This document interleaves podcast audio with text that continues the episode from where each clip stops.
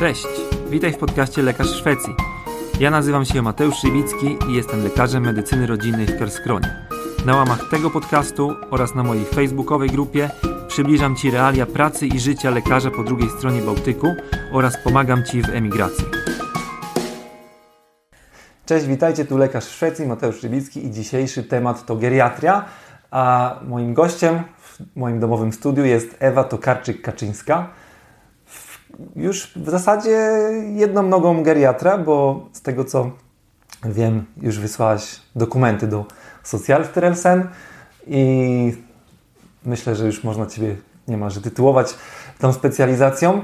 E, poza tym jesteś też e, internistką, e, z tego co wiem. Także Ewa, przedstaw się, opowiedz kilka słów o sobie i zaczynamy dyskusję w temacie geriatrii. Cześć, mam na imię Ewa. Przyjechałam do Szwecji w 2000.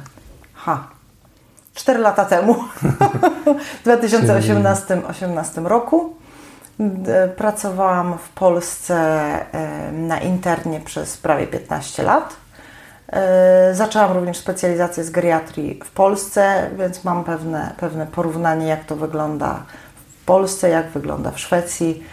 E, po przyjeździe do Szwecji zaczęłam tutaj specjalizację z geriatrii w 2018 roku i rzeczywiście niedawno udało mi się wysłać, wysłać dokumenty do Social Styrelsen. Czekam, czekam na odpowiedź, czy wszystkie dokumenty zostaną zatwierdzone.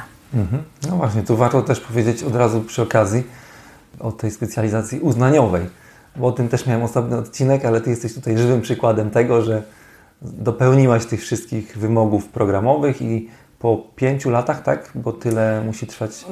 Nie, ja robiłam w związku z tym, że jest, przyjechałam jako internista, mhm. więc moja specjalizacja trwała tylko 2,5 roku, to jest jako specjalizacja, więc wystarczyłoby 2,5 roku. Ze względów technicznych na oddziale, że moja, moja bezpośrednia szefowa nie pracowała w pełnym wymiarze godzin, więc yy, i tutaj COVID niestety też się, też się przyczynił, pandemia, tak więc nie mogłam robić moich, moich wszystkich staży, więc, e, więc troszkę się to przedłużyło, ale sądzę, że z korzyścią, z korzyścią dla mnie, dlatego że przyjechałam całkiem niedawno i nie znałam w ogóle e, sytuacji w służbie zdrowia tutaj szwedzkiej. Mhm. Nie wiedziałam, jak to funkcjonuje, dlaczego, kto, jak, gdzie jakie skierowania, kto się czym zajmuje, więc potrzebowałam też tego czasu, żeby, żeby ogarnąć, ogarnąć ten temat. Mhm. Jasne, no właśnie, czyli już mając podłoże w jednej specjalizacji, w zasadzie robiąc drugą, no to już jest znacznie skrócony ten czas. I, I, tak jak mówisz, chyba co najmniej 2,5 roku musi trwać, ale tak. ewentualnie może być nieco wydłużone. Okej, okay, a powiedz tylko jeszcze krótko, w Polsce w jakim szpitalu pracowałaś? Ja pracowałam w Nowym Dworze Gdańskim i tam pracowałam no, dobre 13 lat mhm. na oddziale interny. E, w międzyczasie zaczęłam specjalizację z geriatrii w Częstochowie. Okej, okay. a tutaj w Szwecji e, w jakim szpitalu pracujesz? Na jakim oddziale? Pracuję na oddziale geriatrii w szpitalu powiatowym. Ble... To jest szpital powiatowy, a właściwie to nie jest szpital wojewódzki przypadkiem? Tak naprawdę? No, w sumie można by tak powiedzieć. Na nasze Ponieważ, małe tak, województwo Bleking. Najmniejsze województwo w, w, całym kraju, ale, ale to jest taki coś między powiatowym a wojewódzkim, wojewódzkim szpitalem. Mhm. No właśnie, i Kerskrona ma jakieś 40-50 tysięcy mieszkańców, coś takiego. Czyli to jest mniej więcej taki obszar, czy ilość ludności, którą pokrywa ten szpital, w którym pracujesz. I powiedz trochę więcej o oddziale, z jakich się ewentualnie składa części? Czy macie też przychodnię geriatryczną? Ile macie łóżek geriatrycznych? Na samym oddziale mamy łóżek w tej chwili 16. On jest podzielony na dwie części. Na każdej, każda z tych części jest e, że tak powiem, obsługiwana przez osobny, osobny troszkę personel, bo jest osobna pielęgniarka, osobny lekarz, którzy są odpowiedzialni za tą, za tą część. Nie mamy przychodni ze względu na to, że mamy niedobór trochę geriatrów i, i po prostu jesteśmy w trakcie, w trakcie szkolenia. Tutaj z tymi geriatrami w całej Szwecji jest dość różnie, bo, bo są rejony, gdzie, gdzie geriatrów i klinik geriatrycznych jest bardzo dużo, a są rejony, gdzie, gdzie tych oddziałów nie ma w ogóle i z tego co wiem, nawet są województwa, gdzie nie ma żadnego geriatry. Mhm. Więc to, to potrafi być różnie. Wszystko zależy od szpitala, czy ma chęć zatrudnić geriatrię, czy ma chęć otworzyć oddział geriatryczny. Większość w tej chwili województw jest nastawiona na to, że jednak te społeczeństwa starzeją się i potrzeby widzą, że jest coraz większa potrzeba oddziałów geriatrycznych, że oddziały internistyczne nie do końca sobie radzą z tymi pacjentami. Więc hmm. potrzeby ogólnie jest, natomiast brakuje wykształconych, wykształconych geriatrów yy, i duże ośrodki szkolą, natomiast w małych niestety, niestety czasami, czasami brakuje. U nas w tej chwili na tych 16 łóżkach, gdzie dosyć często mamy dodatkowe, dodatkowe tak zwane, jak to w Polsce się mówi, o dostawki, czyli mamy około tam 18 powiedzmy pacjentów prawie przez cały czas, no to mamy jednego geriatrę, który jest doświadczonym geriatrą, moja, moja bezpośrednia szefowa, która pracuje na 3 tygodnie z rzędu i potem dwa tygodnie ma wolne, ponieważ ona jest już w wieku emerytalnym. Ja kończę właśnie szkolenie, także oni po troszkę, po troszkę czekają na to, aż, aż będę, będę geriatrą. I właściwie można powiedzieć, że na całe województwo no to jesteśmy jedynymi geriatrami. Mhm. Także to jest tak bardzo, bardzo różnie. Czyli w zasadzie miejsca dla kolejnych geriatrów w Karskronie jest jeszcze bardzo dużo. Są miejsca dla geriatrów, są miejsca, żeby szkolić geriatrów i jest olbrzymie zapotrzebowanie i na terenie już dla gotowych geriatrów i, i na terenie e, przychodni, i w klinikach, i w oddziałach. Także jak najbardziej z tego co wiem, to, to bardzo dużo oddziałów poszukuje gotowych, wykształconych geriatrów. Mhm. Okej, okay, czyli pod względem y, ilości lekarzy to może nie jest aż tak cudownie, natomiast sama ilość łóżek, która, którą dysponuje Karskrona, tych łóżek geriatrycznych, no to jest i tak w miarę dobrze to wypada na y, tle powiedzmy innych województw, tak jak mówiłaś, tak? Że niektóre województwa w ogóle nie mają y, tak. miejsc geriatrycznych, natomiast wiem, że wcześniej jak rozmawialiśmy, to mówiłaś, że w Sztokholmie na przykład jest bardzo dużo. Sztokholm rzeczywiście ma w tej chwili kilka potężnych klinik geriatrycznych i oni bardzo są skupieni na tym, żeby kształcić i, i, i mm, diagnozować, ale przede wszystkim no, zajmować się tymi starszymi pacjentami. Ale to jest Sztokholm. Mhm. Natomiast e, inne, tak, inne, inne miejscowości, najbliższa, najbliższa od nas geriatria jest 80 km od nas, to jest w Kalmarze i to jest rzeczywiście dobrze funkcjonująca geriatria, która tam funkcjonuje już od wielu lat, ma tego samego szefa od wielu lat i on tam bardzo mocno walczył o tą geriatrię. Mhm. Natomiast w przeciwnym kierunku na zachód, to najbliższa geriatria to właściwie to jest Malmę, czyli to jest 200 km od nas. Mhm. Ewentualnie to Hesleholm, o którym też jeszcze wspominaliśmy. To jest tak na, pół, na północny zachód. Nie wiem, co bliżej. No, ale to też w granicach wszystko jest minimum 100 kilometrów. Aha.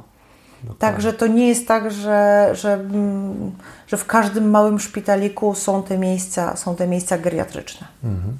Okej, okay, no to y, przejdźmy dalej właśnie do takiego ogólnego pytania.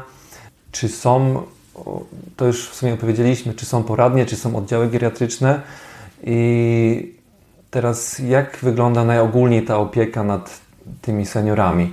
Bo z pytań, które padły właśnie na grupie wcześniej, tutaj przygotowaniu przed wywiadem.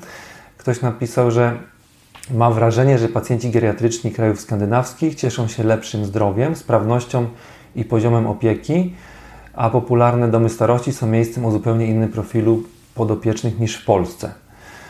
Y, czy mogłabyś to jakoś skomentować i opowiedzieć nam trochę o, jakby tak najogólniej, jak tutaj ta geriatria funkcjonuje i opieka nad pacjentem geriatrycznym?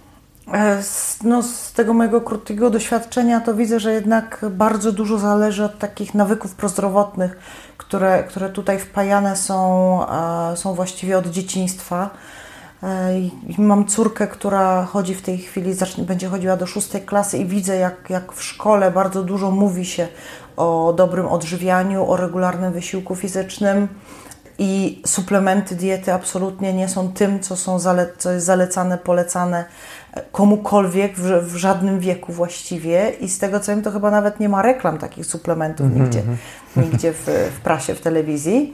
Natomiast to, co nasi pacjenci, ci starsi, moi pacjenci podkreślają, że codzienny, regularny wysiłek fizyczny i dobra dieta e, w mniejszych porcjach regularnie i bazująca na warzywach, nie przejadanie się, to jest podstawa dla nich e, dobrego funkcjonowania.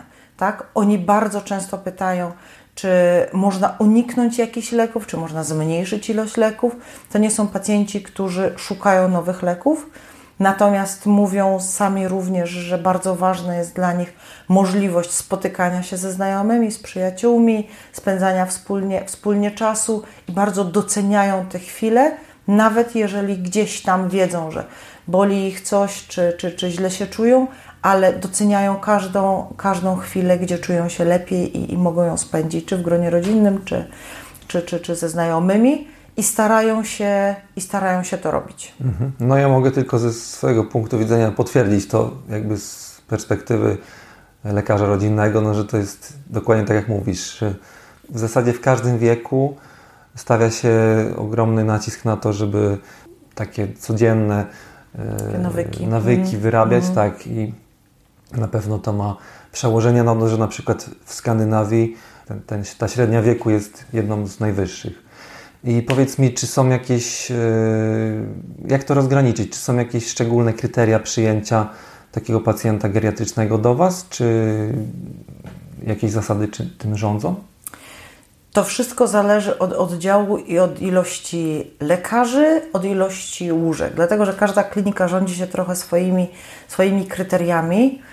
I w naszej klinice w tej chwili mamy e, podpisaną umowę z ortopedią i część pacjentów albo pacjenci, którzy skończyli 75 rok życia, o ile dobrze pamiętam, i przewrócili się, złamali biodro i e, personel, który przyjeżdża z karetki, stwierdza, że jest podejrzenie złamania biodra, to jest taka umowa, że nie jadą w ogóle na izbę przyjęć, tylko jadą prosto na rentgen, potwierdzają że rzeczywiście złamanie biodra.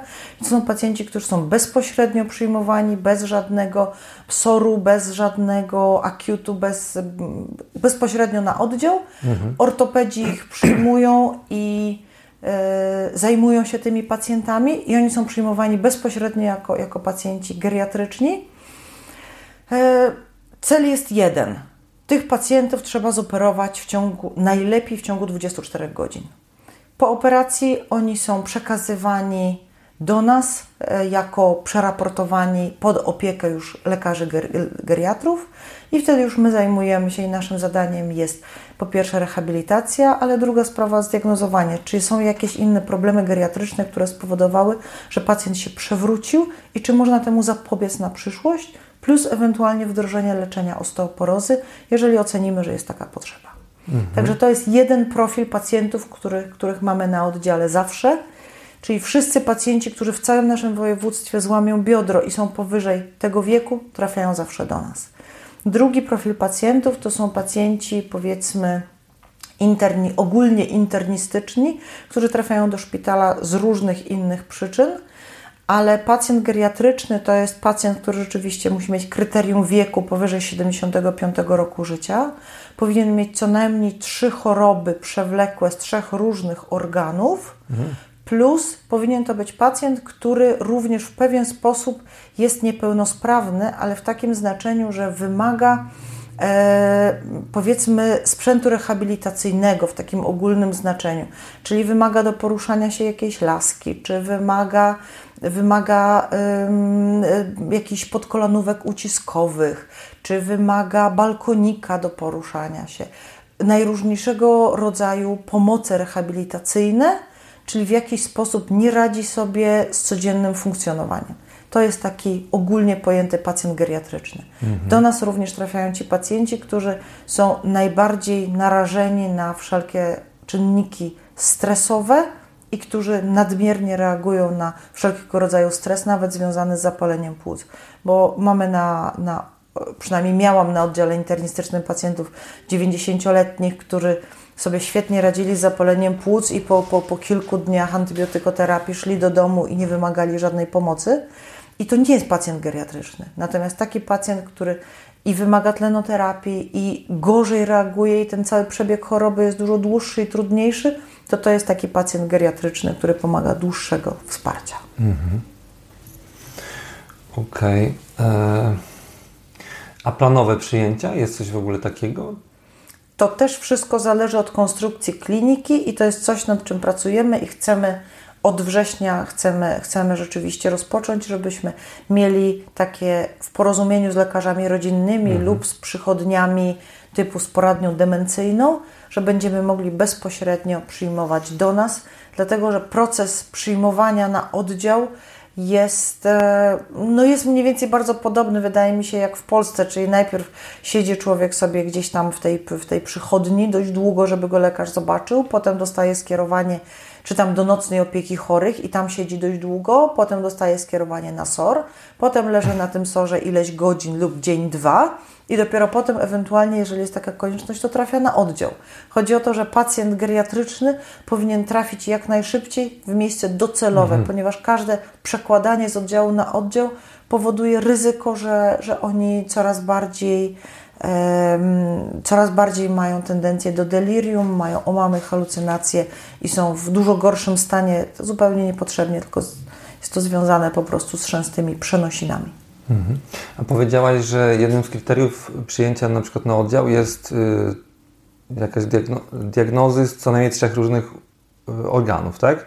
Tak. A jakie jest właśnie podejście do leczenia takiego pacjenta geriatrycznego? Czy skupiacie się na jakimś jednym konkretnym problemie, czy, czy jest jakby takie podejście holistyczne, całościowe y, do tego problemu?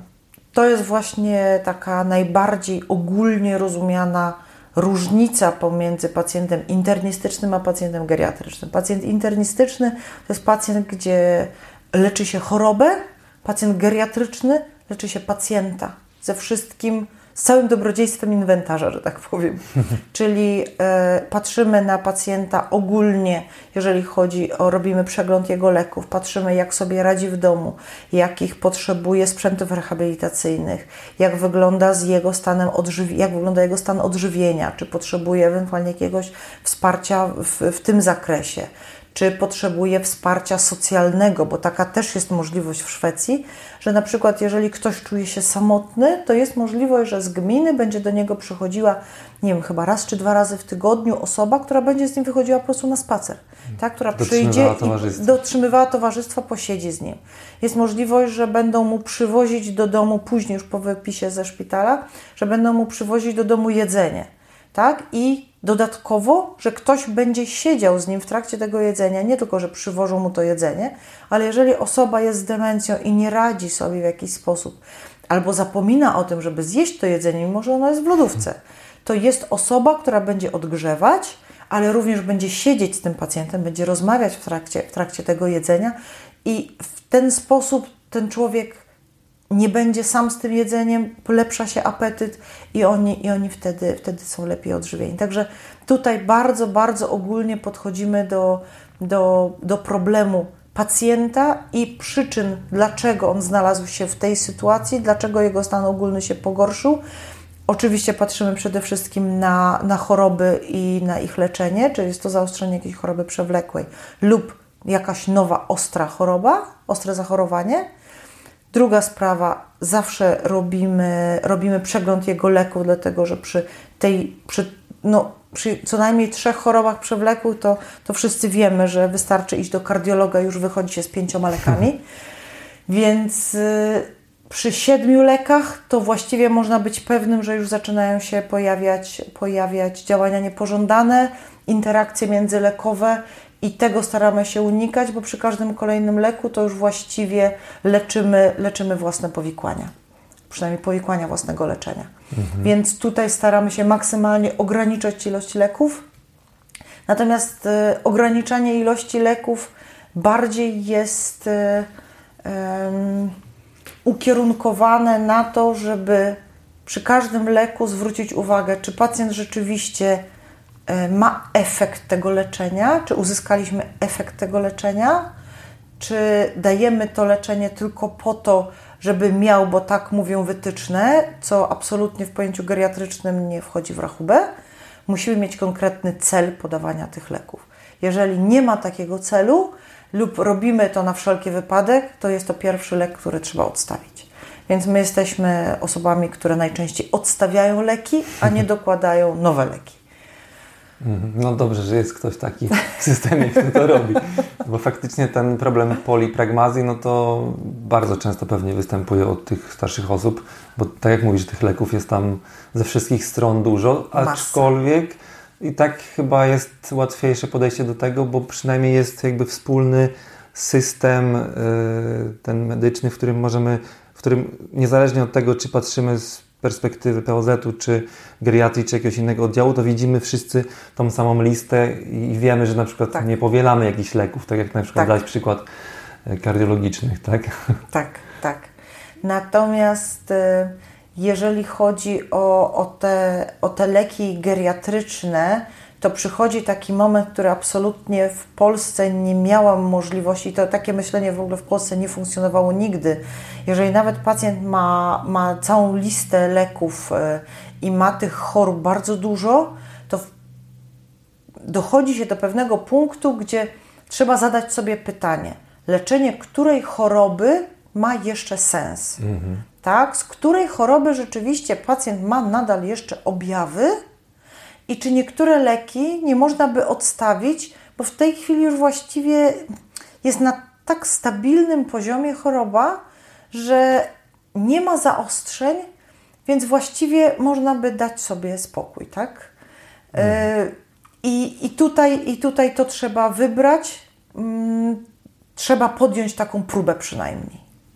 I to trzeba zawsze udokumentować i zawsze wtedy piszemy do naszych e, przemiłych kolegów z, z przychodni, co żeśmy zrobili, jak żeśmy myśleli i jaki mamy plan i ewentualnie, żeby oni wiedzieli, dlaczego myśmy odstawili te leki i jaki, jaki był nasz zamysł i żeby oni ewentualnie za tygodni, kilka zweryfikowali, czy rzeczywiście pacjent nadal dobrze sobie radzi bez tych leków, ponieważ przychodzi w geriatrii taki moment, że ci pacjenci po prostu już są w takim stanie, że oni sami z siebie po prostu przestają brać te leki. No i trzeba się z tym, trzeba się z tym liczyć.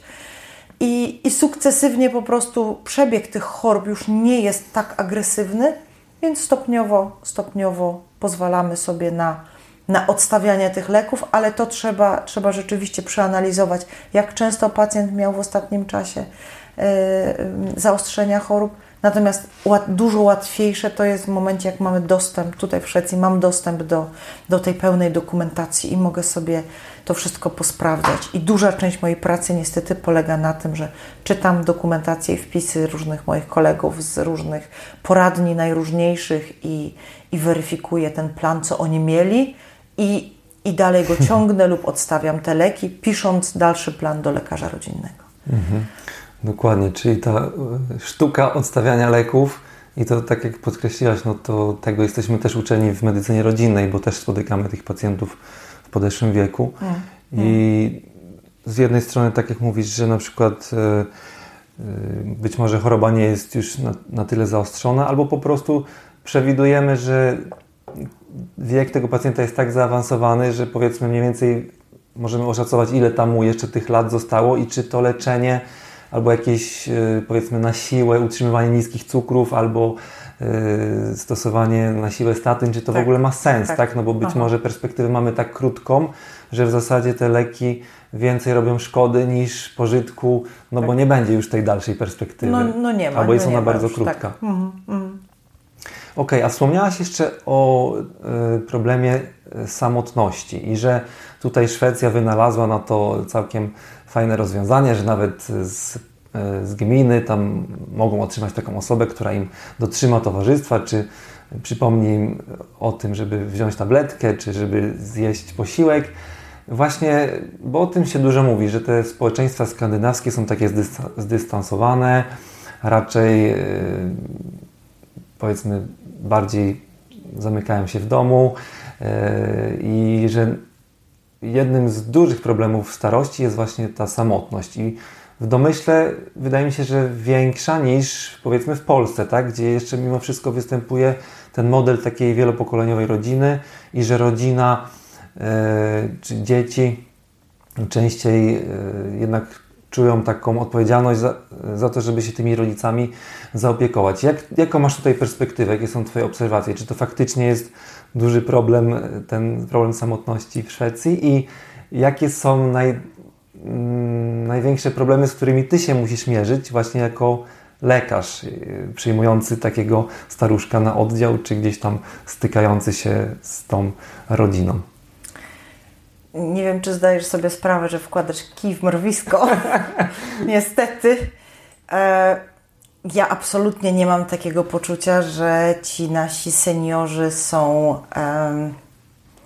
są jakoś bardzo mocno osamotnieni, bo tą pomoc, którą oni dostają od gminy, to e, spotykają osoby, coś co u nas się nazywa opieką społeczną, to tutaj ta opieka społeczna funkcjonuje w ten sposób, że oni mogą przychodzić do domu i pomagać pacjentom, nawet, nawet leżącym niektórym.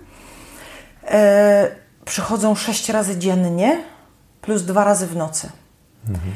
Jest możliwość, że takie osoby, które są powiedzmy kognitywnie nadal e, sprawne, mają na nadgarstku taki alarm, który naciskają po prostu guziczek, jeżeli, jeżeli nagle uważają, że źle się czują, potrzebują pomocy i ktoś z, te, z tej opieki przyjeżdża do nich, do nich do domu jako takie dodatkowe, dodatkowe wsparcie, jak coś się dzieje. E, jest możliwość, że mają pomoc w sprzątaniu, jest możliwość, że mają właśnie dystrybucję jedzenia gotowego tylko do podgrzania lub że ktoś z nimi posiedzi i porozmawia. Wszystko to zależy od kogoś, kto się tutaj nazywa Bistonshandlegare i to jest osoba, która jest takim koordynatorem z gminy, która koordynuje ilość tej pomocy. To nie jest tak, że pacjent sam może zażądać czegokolwiek, może zasugerować, że on chciałby pomocy z tym czy z tamtym, ale to ten koordynator właściwie ustala, co może, co może zaproponować i wtedy proponuje. Najczęściej zaczyna się właśnie od takiej pomocy w domu kilka razy dziennie. Mm, więc trudno powiedzieć, co znaczy taka, taka naprawdę samotność. Ja mam wrażenie z moich doświadczeń, że ci ludzie w Polsce są dużo bardziej, ci ludzie starsi przynajmniej, są dużo bardziej samotni. Mhm. Ale wynika to również z takiego podejścia, z takiej różnic kulturowych. Dlatego, że e, w Polsce nie ma absolutnie, mimo tych rodzin wielopokoleniowych, nie ma szacunku e, tych rodzin do tych ludzi starszych. Tutaj jest szacunek dla osoby w każdym wieku, nawet tej osoby starszej, nawet jak ona ma demencję, ale zawsze podstawą leczenia geriatrycznego jest e, jedno z pierwszych pytań jest, czego oczekuje ten pacjent. I to jest bardzo ważna rzecz, bo ten pacjent musi się wypowiedzieć, czego on tak naprawdę chce. Tak? A nie, że I, rodzina decyduje. A nie, tutaj rodzina jest gdzieś tam bardzo, bardzo, bardzo daleko w tej, w tej kolejności osób, które mogą wpłynąć na to w, jaki, w jakikolwiek sposób. Aczkolwiek rodzina jak najbardziej bierze w czynny udział w tych wszystkich spotkaniach. Tutaj jest masa tych spotkań są spotkania z tym całym koordynatorem z gminy i oni wszyscy razem się spotykają, wtedy i z, y, jest pielęgniarka jakaś taka komunalna, i, i ten koordynator, i ktoś, kto jest rehabilitantem, i rodzina, i pacjent, i oni wspólnie dyskutują, jakie pacjent ma potrzeby i w czym potrzebuje tej pomocy na co dzień. I na tej podstawie ten koordynator jest w stanie zaproponować, czy próbujemy pomóc w domu, ze wszystkimi tymi pomocami domowymi, nawet łącznie z jakimś tam drobnym remontem domu, z dopasowaniem, żeby nie było mm, progów, progów tak, żeby, żeby łazienka była dopasowana odpowiednio, żeby można było wjechać wózkiem i te, te wszystkie rzeczy. Mhm. Mm, żeby Czy... usunąć jakieś tak. maty, żeby się nie przewrócili i tak, tak, nie złamali tak. kości biodrowej. Więc, więc tak, takie wszystkie pomoce w domu. Jeżeli to się nie udaje, to wtedy proponują dalej jakiś tam dom, dom opieki, ale to, to jest ten koordynator. Natomiast tutaj pacjent ma bardzo dużo do powiedzenia, co tak naprawdę pacjent chce. I pacjent, nawet jak już jest w takim terminalnym stanie, może zawsze powiedzieć, że on absolutnie nie chce do żadnego domu opieki, on chce zostać w domu. To wtedy naprawdę on ma już praktycznie co godzinę ktoś do niego prawie, że przychodzi do domu i pomaga mu w czymś. Także y, tych ludzi zaangażowanych jest bardzo dużo. Oczywiście, że te osoby starsze mówią, że czują się samotne, ponieważ nie mają dostępu do tej rodziny, powiedzmy nawet, tak na tyle długo, jak one by sobie tego życzyły. Hmm. Ale to jest zupełnie inna kwestia. Natomiast e, ci pacjenci i te rodziny bardzo dobrze wiedzą i oni rozmawiają na temat przyszłości. Te rodziny świetnie są zorientowane, czego ten pacjent sobie życzył, nawet jak wcześniej rozmawiali, że jak on by chciał umierać, gdzie on by chciał być, czy on chciałby być w takim właśnie domu opieki, czy on chciałby być w domu, więc oni rozmawiają na te tematy. W Polsce, w momencie, kiedy rodzina przejmuje opiekę, pacjent nie miał, przynajmniej w tych rejonach, gdzie ja pracowałam, pacjent nie miał nic do powiedzenia. Żadnej autonomii. Pacjent, żadnej absolutnie autonomii i ten pacjent przez rodzinę był ciągany po różnych specjalistach, przychodniach, kontrolach, szpitalach. E, Mimo, że pacjent mówi, że już ma dość, że on chce zostać w domu, już nic nie chce, a rodzina mówi, że ty nie masz nic do gadania i jedziemy. Więc tutaj ta, ta, ta sprawa wygląda zupełnie inaczej, więc kwestia tej samotności, nie wiem, czy w Polsce jest to po prostu zupełnie inaczej postrzegane, ale wydaje mi się, że w Polsce ci, ci starsi moi pacjenci, oni byli dużo bardziej samotni, bo nawet nie mieli z kim za bardzo porozmawiać, ponieważ nie, nie dawano im tej możliwości wypowiedzenia się, tak? Mhm. Mi się jeszcze nasuwa jedna taka myśl a propos przyzwolenia na umieranie.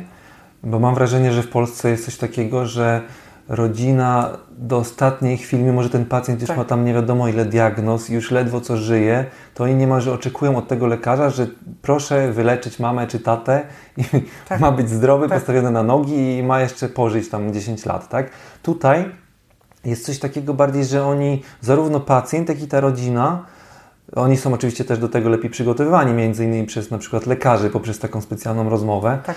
E, Natomiast y, oni jakoś tak bardziej, wydaje mi się, potrafią to zaakceptować, tak, że przychodzi już pewien moment czy wiek, w którym no, nie jesteśmy już w stanie za wiele zrobić i wyreperować, tylko należy się skupić na przykład na uśmierzaniu y, objawów związanych z- ze zbliżaniem się tego końcowego momentu. Powiedzmy tak, na poprawie komfortu życia.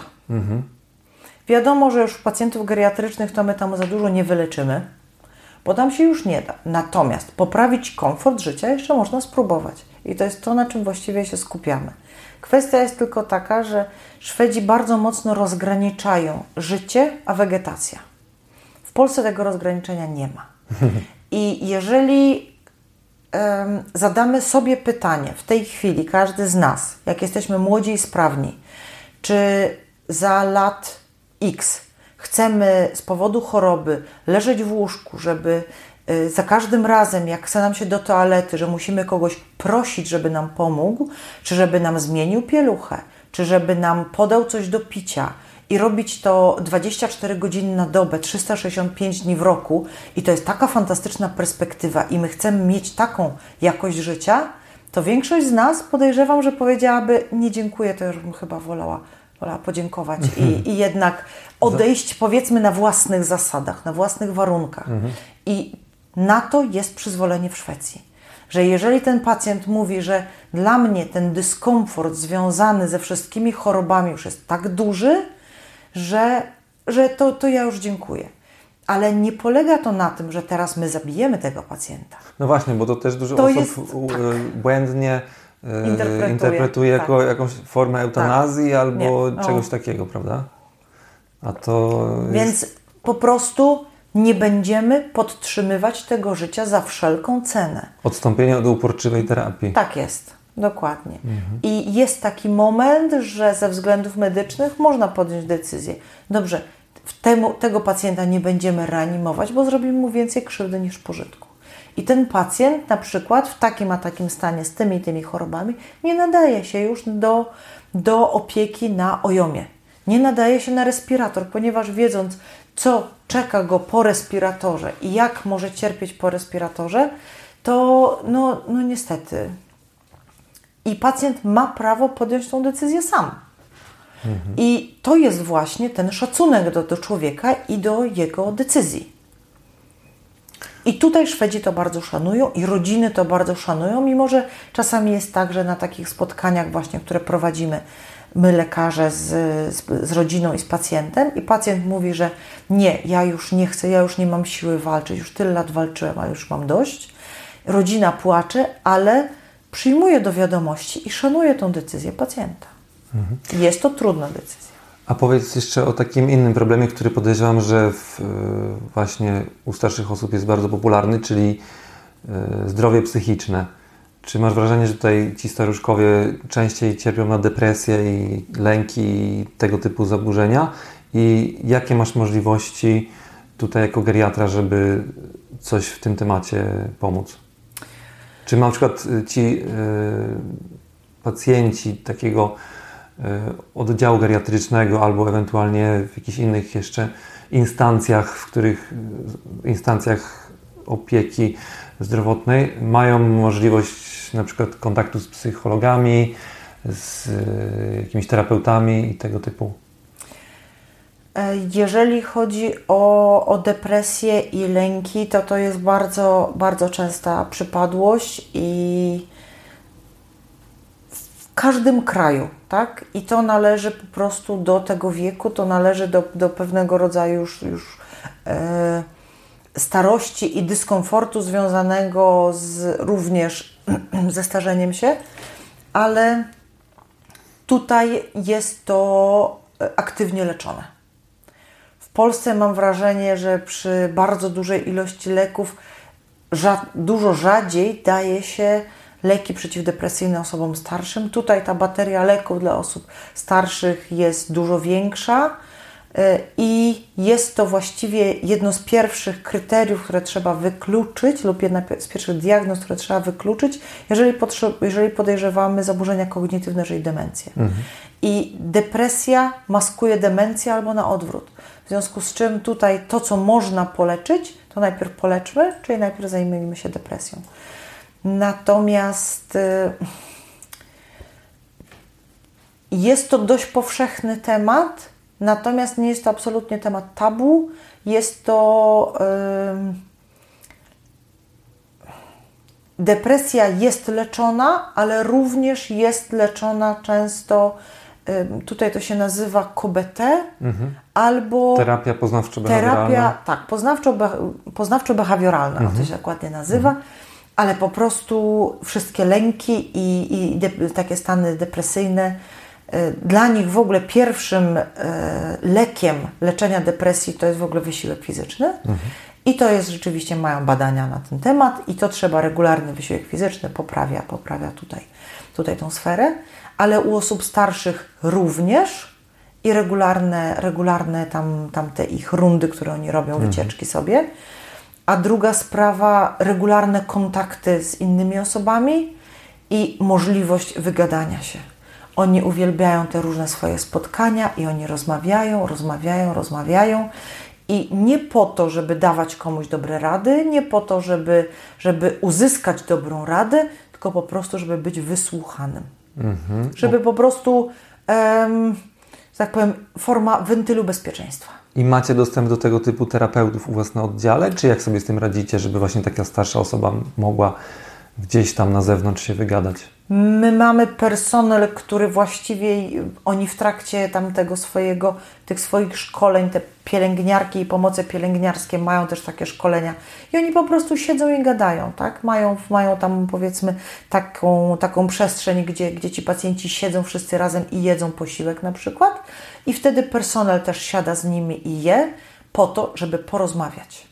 Także wszelkie momenty, gdzie oni mogą posiedzieć i porozmawiać, i personel dość dużo, dość często siedzi, siedzi z pacjentem i rozmawia. Jeżeli jest pacjent jakoś, powiedzmy, e, bardziej agresywny albo e, taki, gdzie jest duże ryzyko, że będzie wychodził z łóżka, będzie zrobi sobie krzywdę, to jest osobna osoba, która nazywa się to jest osoba, to jest osoba, powiedzmy nie, to jest osoba, która jest osobno zatrudniona, która siedzi przy tym pacjencie i Ma jest obowiązek takim ob, e, do, doglądania, Aha. pilnowania, ale to jest osoba, która również siedzi i rozmawia z, tą, z, tym, z tym pacjentem. Mhm. Także to nie jest tak, że, że trzeba używać jakiegoś takiego przymusu bezpośredniego, tylko tutaj się rozmawia, rozmawia, rozmawia. Nie mamy niestety na oddziale psychologa żadnego, natomiast y, jest w szpitalu ktoś taki jak diakon, Mhm. Są trzy osoby, to są ze szpitala, z, z kościoła szwedzkiego. To są osoby, które niekoniecznie muszą przyjść i wyspowiadać. To są osoby, które przychodzą i po prostu porozmawiają Mhm. z tymi ludźmi. Są też osoby z Czerwonego Krzyża, które są wolontariuszami i też przychodzą na oddział. Tam są, mamy, listę, wyznaczone terminy, daty, kiedy oni przychodzą i też chętnie przychodzą, żeby po prostu porozmawiać z tymi starszymi osobami. Mhm. Ewentualnie tak jeszcze sobie myślę, że jeżeli są wypisywane do domu i w jakiś sposób mm, mogą sobie poradzić z takimi czynnościami, jak na przykład zabukowanie sobie wizyty u psychologa, no to jest też dostęp do tego typu pomocy właśnie w otwartym Tak, lecznictwie, czyli tak, z perspektywy POZ-u. I wtedy, jak na przykład Wy poinformujecie nas o tym, y, wypisując takiego pacjenta z geriatrii i dacie znać mm, lekarzowi rodzinnemu o tym w formie jakiegoś Tak. tam wypisu czy, czy mm, listu, no to wtedy y, my możemy poinformować pacjenta, gdzie ma się zgłosić, czy w, jakim miejscu może uzyskać taką pomoc Mm. jakiegoś terapeuty, tak jak mówisz, czy y, w, konkretnie w tym mm, typie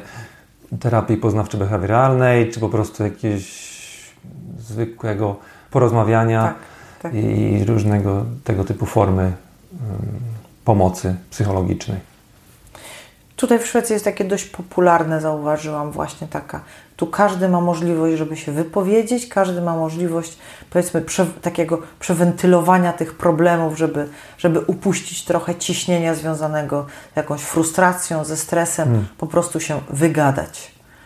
Dokładnie. Poza tym też, tak jak wspomniałaś, te starsze osoby często są w jakiś tam sposób połączone z tutejszym kościołem i czasami nawet y, we własnym zakresie gdzieś tam Tak. mogą się udać do tych instytucji kościoła i tam, tak jak powiedziałaś, są nawet jakby y, często ci, można powiedzieć, księża czy diakoni, oni są często nawet szkoleni pod tym kierunkiem takiego Mhm. psychologa czy terapeuty, coś takiego, żeby potrafili z drugim człowiekiem porozmawiać tak. o takich Mm. ogólnoświatopoglądowych przemyśleniach, czy czasem też w temacie umierania, czy życia i takich jakichś nawet, nawet fizjolo- tak.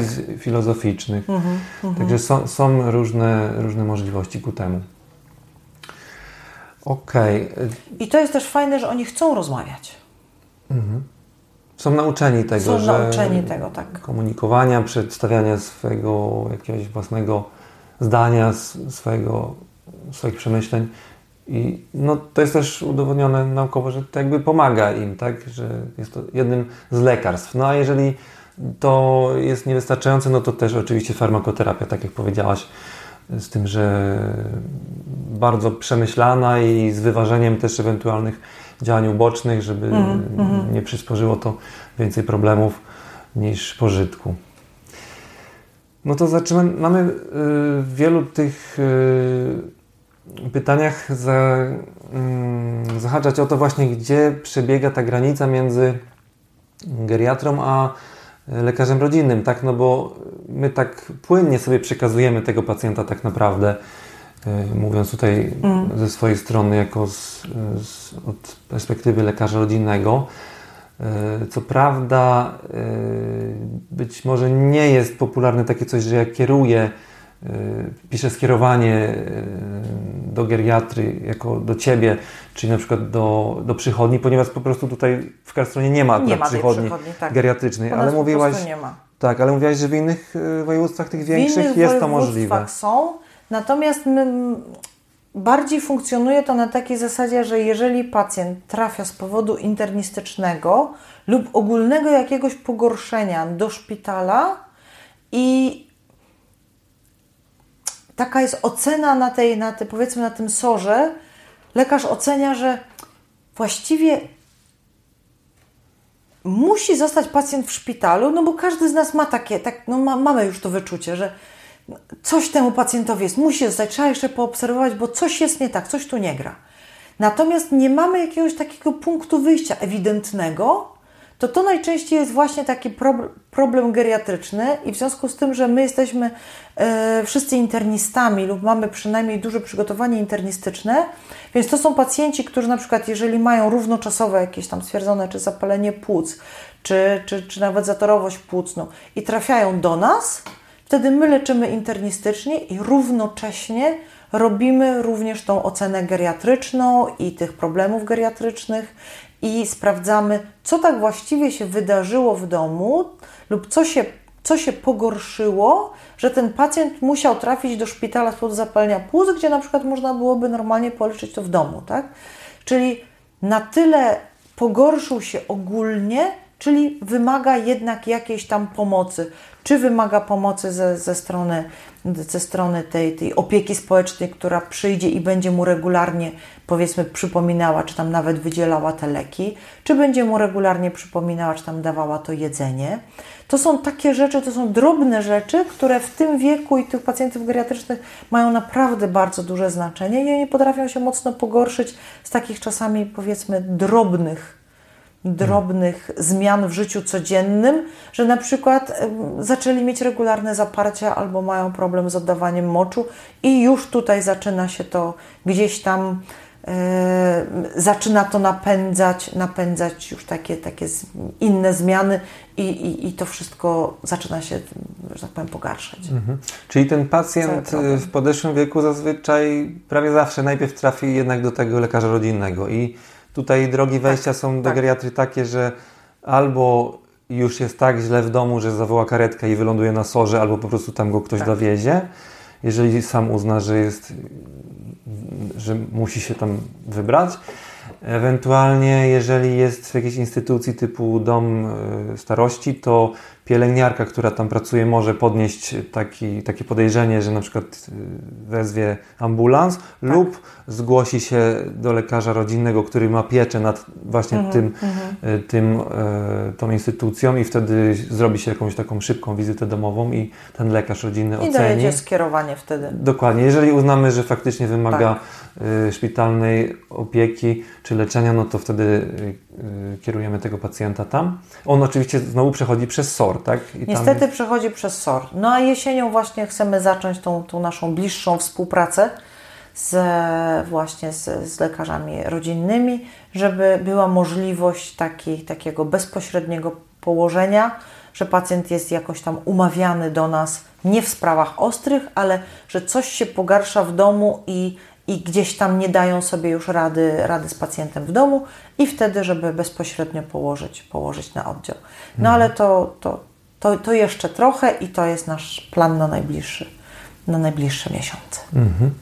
Okej, okay. a w drugą stronę mm, to tak jak już wcześniej wspomniałeś, czy jak już tego pacjenta tam podleczycie, to po prostu wypisujecie go i wtedy jest albo to spotkanie z różnymi tymi instancjami od, e, z powiatu, gdzie są włączane różnego rodzaju pomoce tak. i wtedy zazwyczaj też kierujecie Takie jakieś planowanie pismo. dalszej opieki. Tak, i wtedy kierujecie mhm. jakieś pismo do nas jako do lekarza rodzinnego, żeby po prostu uaktualnić nas jak, co zostało zrobione i ewentualnie czego oczekujecie w dalszej kontynuacji, tak? Jakiejś tak. obserwacji czy czegoś takiego. Z geriatrii mamy dwie możliwości.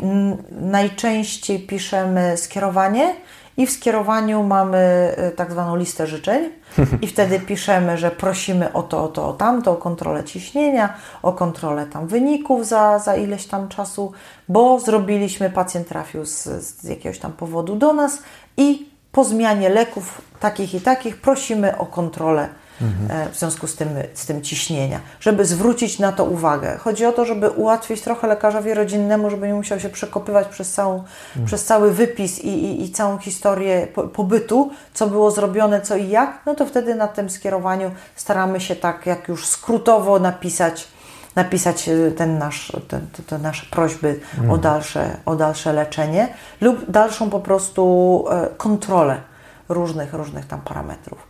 Natomiast czasami wysyłamy też tylko taki list, nie jako skierowanie, ale list do wiadomości lekarza rodzinnego. Na zasadzie, że nie ma nic konkretnego, czym ewentualnie musiałby się pilnie zająć, natomiast chcemy poinformować, że pacjent trafił do szpitala, czy tam złamał sobie biodro i ni, niby nic nie wymaga, ale mimo wszystko był w szpitalu, coś tam żeśmy zrobili i żeby, żeby właśnie uaktualnić, mhm. żeby łatwiej było też dalej, dalej prowadzić w domu tego pacjenta. Zgadza się. A w tych domach seniorów to opiekę nad tymi pacjentami mają lekarze rodzinni czy geriatrzy? To wszystko zależy od regionu. To wszystko znowu zależy od ilości geriatrów, który, która jest na miejscu. Bo znam takie miejsca, gdzie właśnie w domach opieki mają geriatrzy yy, pieczę nad domami opieki, a jeżeli nie, no to, no to, no to lekarze rodzinni. Ale częściej chyba lekarz rodzinny, zgodzisz częściej, się? Częściej mhm. lekarz rodzinny, przynajmniej tutaj na naszym terenie. Dokładnie. Ja mogę tylko mówić, jak to wygląda na naszym terenie, niestety. Mhm. Czyli zazwyczaj pacjent jednak trafi z powodu tego, że y, lekarz rodzinny po prostu coś wyłapie albo coś nagłego się stanie, zostanie pacjent skonsultowany i podjęta decyzja, że jednak wymaga tak, wysłania tak, do geriatry. Tak. Natomiast jest też taka możliwość, że jeżeli lekarz rodzinny ma jakieś pytania, wątpliwości i ma czas i chęci, to też może do nas zadzwonić na oddział i mhm. może też zadać pytanie i przedstawić problem, sytuacji danego pacjenta. Ja wtedy mogę sobie też otworzyć dokumentację tego pacjenta i wspólnie ja mogę coś tam zaproponować, ewentualnie jak ja bym to widziała. Także można taką konsultację uzyskać telefonicznie bez oglądania przeze mnie pacjenta ale na podstawie tylko i wyłącznie tej dokumentacji, która, która widnieje w, w, w systemie. Mhm.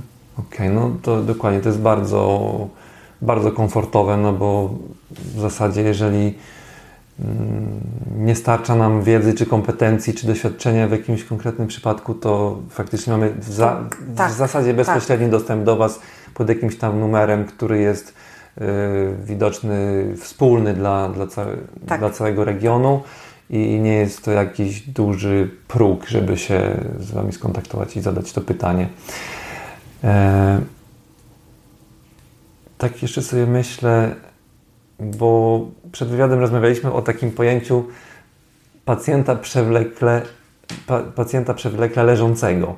I ty mówiłaś, że to jest e, całkiem inna definicja w Polsce i w Szwecji. Właśnie yy, mogłaś coś więcej o tym opowiedzieć? Jak, jak wyglądają te dwie perspektywy z dwóch różnych stron?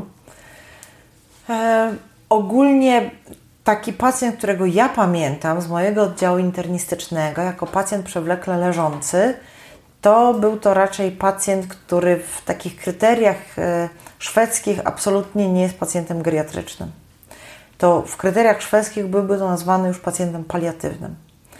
Dlatego e, trudno porównać to, e, tą opiekę geriatryczną nad tym pacjentem przewlekle leżącym, bo to jednak musi być, nawet jeżeli pacjent leżący, to musi to być pacjent, który współpracuje w pewien sposób. Dlatego, że jeżeli nie ma tej współpracy, to my właściwie już nie możemy, nie mamy dużo do zaproponowania. Nie ma takiej możliwości, żeby tutaj w Szwecji pacjenta do czegoś zmusić, przymusić. W związku z czym, jeżeli pacjent nie współpracuje i nie chce brać tych leków, jeżeli jest już w takim stanie, to po prostu tych leków nie bierze i te leki są odstawiane. I wtedy już przechodzi się z automatu prawie że na opiekę paliatywną, Natomiast taka opieka paliatywna może zostać wdrożona, ale nie wiąże się to z tym, że, że teraz to już, to już nic nie robimy. Jeżeli by pacjent na przykład miał e, głębokie zapalenie żył i potrzebne by były jakieś tam e, mm, heparyna drobnocząsteczkowa, to jak najbardziej można próbować że temu pacjentowi podawać ją, tak? Mm. Ale to trzeba go przekonać do tego. Ale jeżeli pacjent nie chce, no to, no to niestety tutaj, tutaj już, już niedużo, niedużo można zrobić. Więc wtedy rozmawia się z rodziną i jeżeli tutaj pacjent zawsze ma, próbuje się oczywiście leczyć, ale, ale jak pacjent nie chce, to najczęściej jest to jest to już taki stan, stan przewlekły, że to już nie za bardzo da się coś zrobić. Jeżeli jest to związane z, z, z delirium i pacjent jest taki podagitowany, no to może być to związane z jakąś sprawą um, ostrą, czyli z, jakimś, z jakąś ostrą infekcją. Wtedy rzeczywiście próbujemy dopasować to leczenie do tego, na co pacjent się zgadza, i wtedy jest szansa, że że poprawi się jego stan i wtedy z powrotem możemy wrócić do pełnego leczenia. Mhm. Także tu wszystko jest bardzo płynne i to, to dopasowuje się do, do właściwie do, do pacjenta, do jego możliwości, do jego wydolności, do jego chęci, do jego współpracy. Natomiast pacjent leżący um, ma pełną opiekę w domu i rzadko kiedy jest to, jest to pacjent, pacjent geriatryczny tak naprawdę. I to, to leczenie paliatywne, to warto też dodać, że to może być też na różnym, w różnych miejscach, tak? To on może otrzymywać to leczenie w domu, ten pacjent, może w tak. instytucji. Yy, no w szpitalu można jakby wystartować to leczenie paliatywne, tak? I później ono jest przejmowane albo do otwartego lecznictwa, albo do jakiejś tam hospicjum, albo do domu seniora i jakby tutaj jest dowolność mm. też, ka każda z tych instytucji może pom pomóc w tym zapewnieniu tego. No, wszystkie, wszystkie te domy, domy opieki, które, które tutaj są w okolicy, wszystkie są przeszkolone, żeby, żeby prowadzić pacjenta paliatywnego również. Także tutaj w razie czego jest, jest również zespół paliatywny, który, który może, e, może służyć jako, jako taki, taka, taka pomoc, że przyjeżdża do pacjenta, robi ocenę i, i może, może pomóc coś, w jaki sposób można ewentualnie temu pacjentowi pomóc. Ale jeżeli, jeżeli nie ma jakichś takich większych problemów, to właściwie jest taki, taki pakiet leków, które, które zawsze można, można dawać, bo to chodzi o, o zapewnienie komfortu. I to wszyscy się na to, na takie, na takie leczenie zgadzają. Mhm. Okej, okay. i na koniec, bo już będziemy yy, kończyć, to jeszcze takie dwa super szybkie pytania. Ktoś zapytał, czy powszechne jest stosowanie benzodiazepin u seniorów i uzależnienie od nich w Szwecji?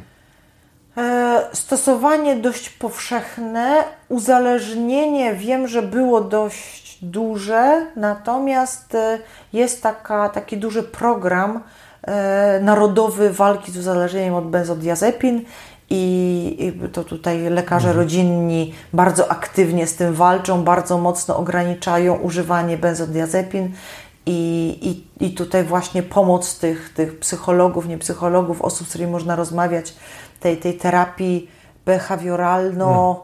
Poznawczo-behawioralnej. Poznawczo-behawioralnej, dziękuję bardzo, bardzo pomaga i używamy właściwie tylko oksazepamu. Mhm, to jest no jedyny, jedyny dozwolony właściwie u osób starszych, mhm, mhm. który można i to bardzo. Długo działający, absolutnie, absolutnie nie. Absolutnie nie. nie. Absolutnie nie. O, I tylko właściwie oksazepam, ale to, to, to pod... tylko wyłącznie doraźnie. Bardzo mocno musimy ograniczać y, ilość recept ilość tabletek wręcz wypisywanych pacjentom. Mhm. I ostatnia, ostatnie pytanie, takie trochę łączące się z tym powyżej. Y, kto w Szwecji określa stopień refundacji leków na recepcie? To chyba tutaj, Mateusz, to Ty szybciej będziesz mógł odpowiedzieć na to pytanie, bo tutaj to jest... E, Odpowiedź brzmi nikt, ponieważ nikt. nie ma takiego problemu. Nie ma. W sensie... System rozwiązany jest w zupełnie inny sposób niż w Polsce. Tak, lekarz nie musi być odpowiedzialny za to, jaką wybiera refundację, po prostu albo się wybiera, że jest refundowany, albo że nie.